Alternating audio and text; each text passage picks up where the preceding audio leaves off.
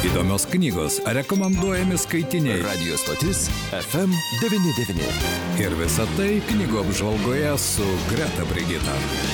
Menkų planų žengėme į savaitgalio promenadą ir visažą dienos kaleidoskopo metu. Studijoje prie mikrofono Vytautas, na ir vasara atėjo, o kai vasara atėjo ir skaitima, skaitimas vėl prasidėjo, galim ir taip sakyti, aš sveikinuosi su Greta Brigita, sveika. Sveiki, gyvi visi.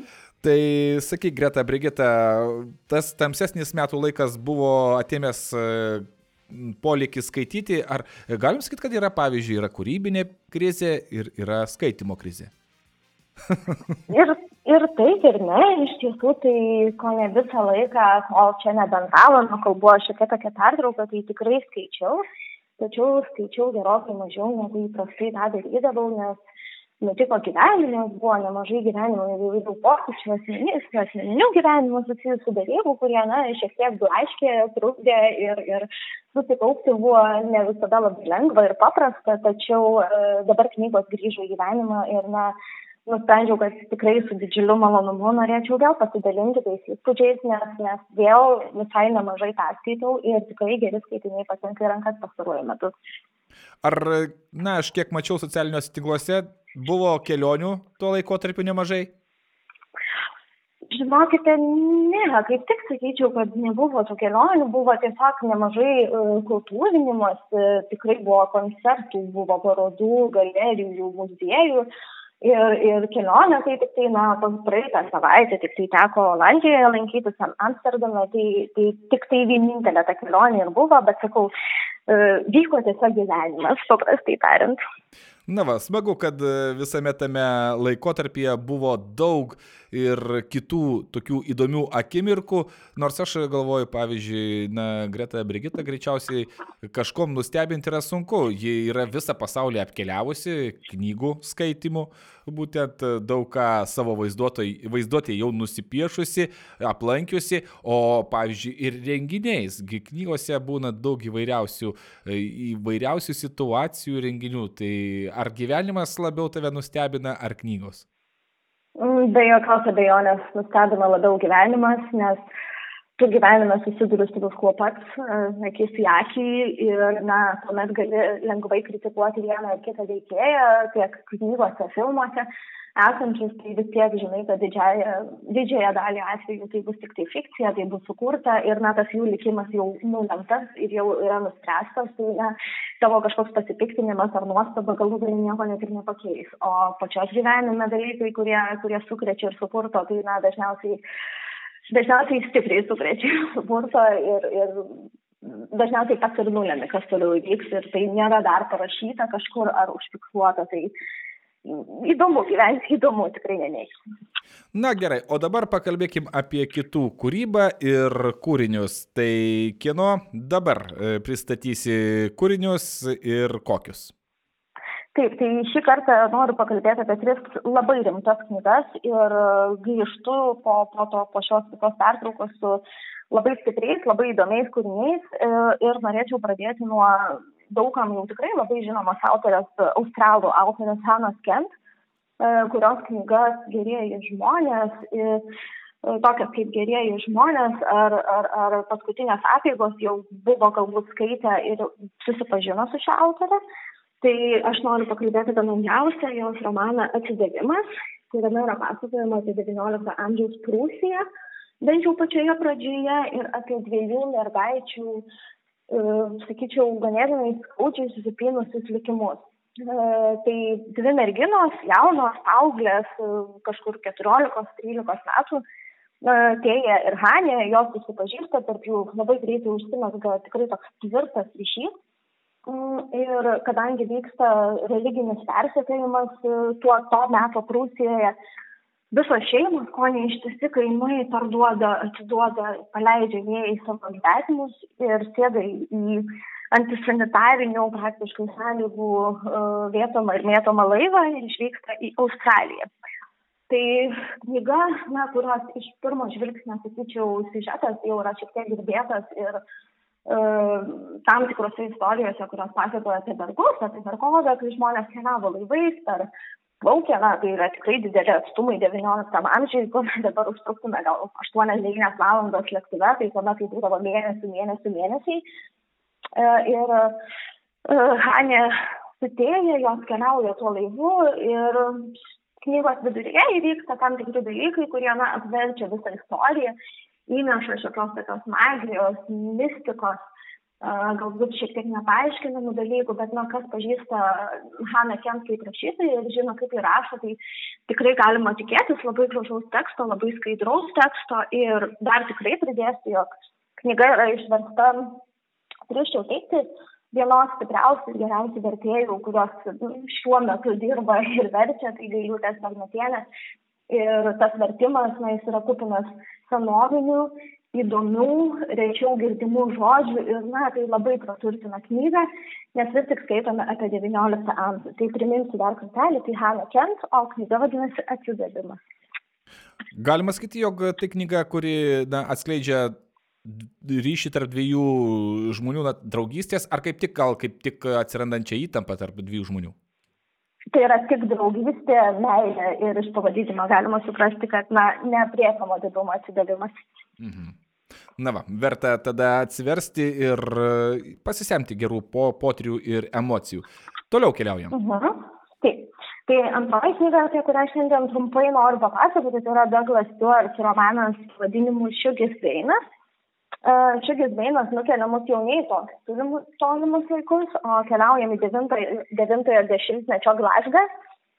Ir tai yra pasakojimas apie šeimą, apie moterį Agnesį, kuri gyvena sakyčiau tokiuose socialiniuose būstuose yra vieta nemėtoma gyvenimo turi ne vieną vaiką ne vieną vyrą daug įvairių sunkumų gyvenime ir, e, ir vis tik tai yra knyga apie priklausomybę, nes, na, Agnesė, ji turi vaikus, turi vyrus ir kovoja su, su priklausomybė nuo alkoholio, kovoja su priklausomybė ir nuo pačių vyrų. ir visa istorija sukasi apie tai, kaip Agnesė na, stojasi, keliasi, krenta, vėl stojasi, vėl keliasi, vėl krenta ir tai yra toks, na, užburtas ratas. Ir skaitydama šią knygą aš vietomis jutausi taip, lyg stebėčiau, nors nežiūriu, tiesiog esu mačiusi, bet lyg stebėčiau tam tikrą tavo pagalbos ir 24 valandų tokio kaip miksą, kuomet knygoje būtent tai yra aprašoma, ne? Ir aš pati, kai rašiau apie šią knygą apžvalgą, tai kaip ir sakiau, kad turbūt nelabai suprantu, kodėl tokios istorijos yra pasakomas, bet vėliau supratau, kad ko gero turi būti kartais žmonės, žmonėms parodoma tai, jog na, jeigu mes gyvenam labai gražiame pasaulyje, tai nereiškia, kad nėra ir tos tamsiosios pusės. Tai labai daug nesiplėsiu, knyga yra apie motiną, apie jos bandymą vis save skandinti ir paskui vėl kapstytis į paviršių, o šis dainas tai yra jos sūnus, tai yra vienintelis sūnus, kuris su ją lieka ir kuris bando ją temti iš tos dabės, į kurią ji visada smūgda. E, tačiau knyga yra parašyta labai gražiai, mm, yra Glasgo tarmės nemažai, kuria, kuris skaitant vis iškyla į paviršių ir suteikia knygai to tokio labai autentiško stiliaus pojūtį. Tai pasikartosiu, vadinasi, šis dainas ir verta perskaityti tiems, kas na, pasilgo tokios tikrai tikros ir tokios ne, nesugrų pavarstytos istorijos. Ir pažvelgti, ar ne, kad kiekvienoje šeimoje yra tų ir šviesių, saulėtų dienų ir yra apniukusių, ar ne? Taip, taip, tikrai taip, taip. Vis, visko yra ir šioje knygoje na, tikrai sukaupu tą istoriją patvirtina, kad yra ir juoda, ir balta. Na ir nepasaldinta.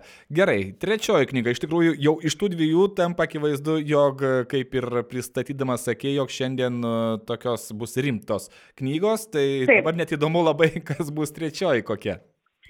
Drįščiau teikti, kad trečioji yra pati rimčiausia, nes nors galbūt pirmos ir galėjo nugaisinti, tai trečioji, na, tokia e, pati rimčiausia, mano nuomonė, yra todėl, jog tai yra jau nebe fikcija, o tai yra autobiografija, kuriuo aš šiaip autobiografinis romanas drįščiau teikti. Tokių skaitau labai mažai ir tai yra Danų autorės Tovės Ditleksen knyga Kopenhagos trilogija. Tai knyga mums pasakoja, knygoje pati Tovė mums pasakoja apie savo gyvenimą, tai nuo vaikystės iki, iki pat tam tikro gyvenimo taško, tai nesakysiu, kad mirties, nes na, knygoje, e, knygoje ji neužbaigia kažkokio savo gyvenimo mirtimi, tačiau Tuve Ditlefin vis tik yra na, įdomi autorė tuo, jog jis labai įdomiai rašo apie savo gyvenimą. Tai pradedant tuo, kad visa knyga buvo išleista kelis kartus ir labai keliais skirtingais formatais. Vienais atvejais knyga yra, knyga yra leidžiama kaip vienas išsitas kūrinys, o kitais atvejais jis yra skaldomas į tris. Tai pirmoji dalis yra vaikystė, antroji yra jaunystė ir trečioji priklausomybė. Ir tai yra ganėtinai įdomu, kad, na, leidėjai pasirenka į šį kūrinį žiūrėti kaip į arba vientisą, arba kaip į tris atskirus.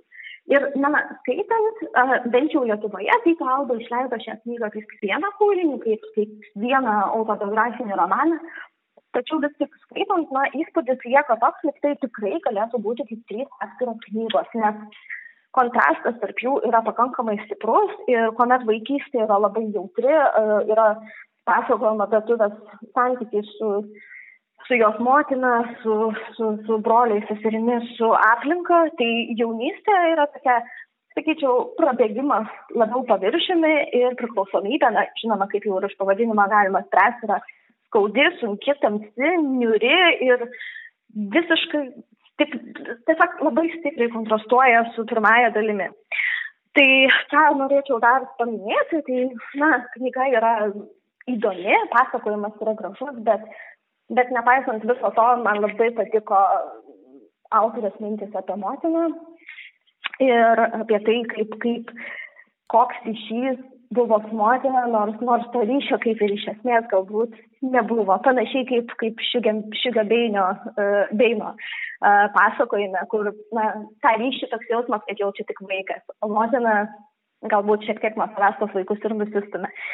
Tai knyga vadinasi Kopenhagos trilogija ir, na, be to, kas parodo labai puikiai Tomės gyvenimą, bet ir parodo tikrai neblogai e, gyvenimą Danijoje, tai karą, e, karo laikotarpį ir tiesiog, na, tą Danų tokį santūrų gyvenimą, ramų gyvenimą, na, nes jie vis tik kaip tauta yra pakankamai ramus žmonės, tai įdomu buvo apie juos skaityti, nes mes su Danais šiaip retai tenka dirbti, tai knyga, knyga puikiai.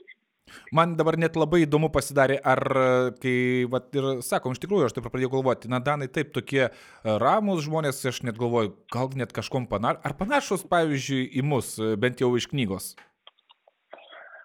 Aš manau, kad Danai yra šiek tiek santūresni bet, bet, bet iš esmės, na, na, manau, vis tik mes skiriamės kažkuo. Nežinau, kuo tai nėra labai lengvai apčiuopama, bet, bet kultūriškai ir, ir, ir manau, kad kultūriškai mes skiriamės, nes mes esam truputėlį labiau užguiti galbūt ir, ir daugiau, daugiau matę kaip tauta, tai dėl to galbūt, galbūt šiek tiek ir skiriamės.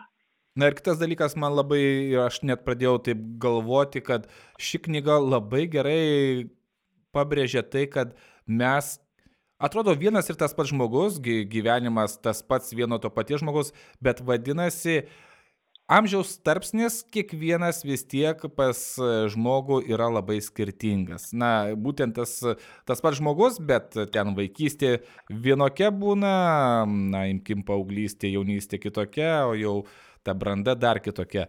Greičiausiai pas kiekvieną pažiūrėjus ar ne, galima tas skirtumus labai aiškius pamatyti. Mhm, taip.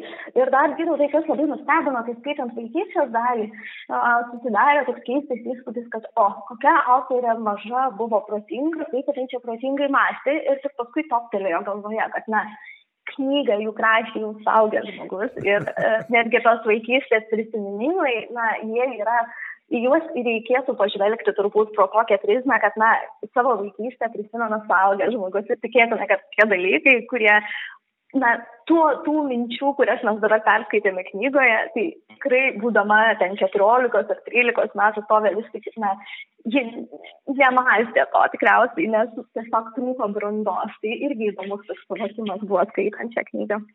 Bet kiekvienas gyvenimo tarpsnis turi savo žavesį, ar ne, kaip bebūtų?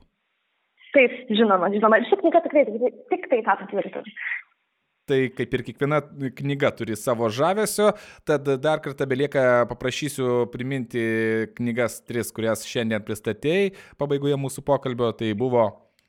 Taip, tai buvo Hanos Kent atsidavimas apie kelionę iš Prūsijos į Australiją, taip pat buvo Douglaso Stuarto Šugis dainas apie motinos kovą už savo šeimą ir kovą su priklausomybėmis.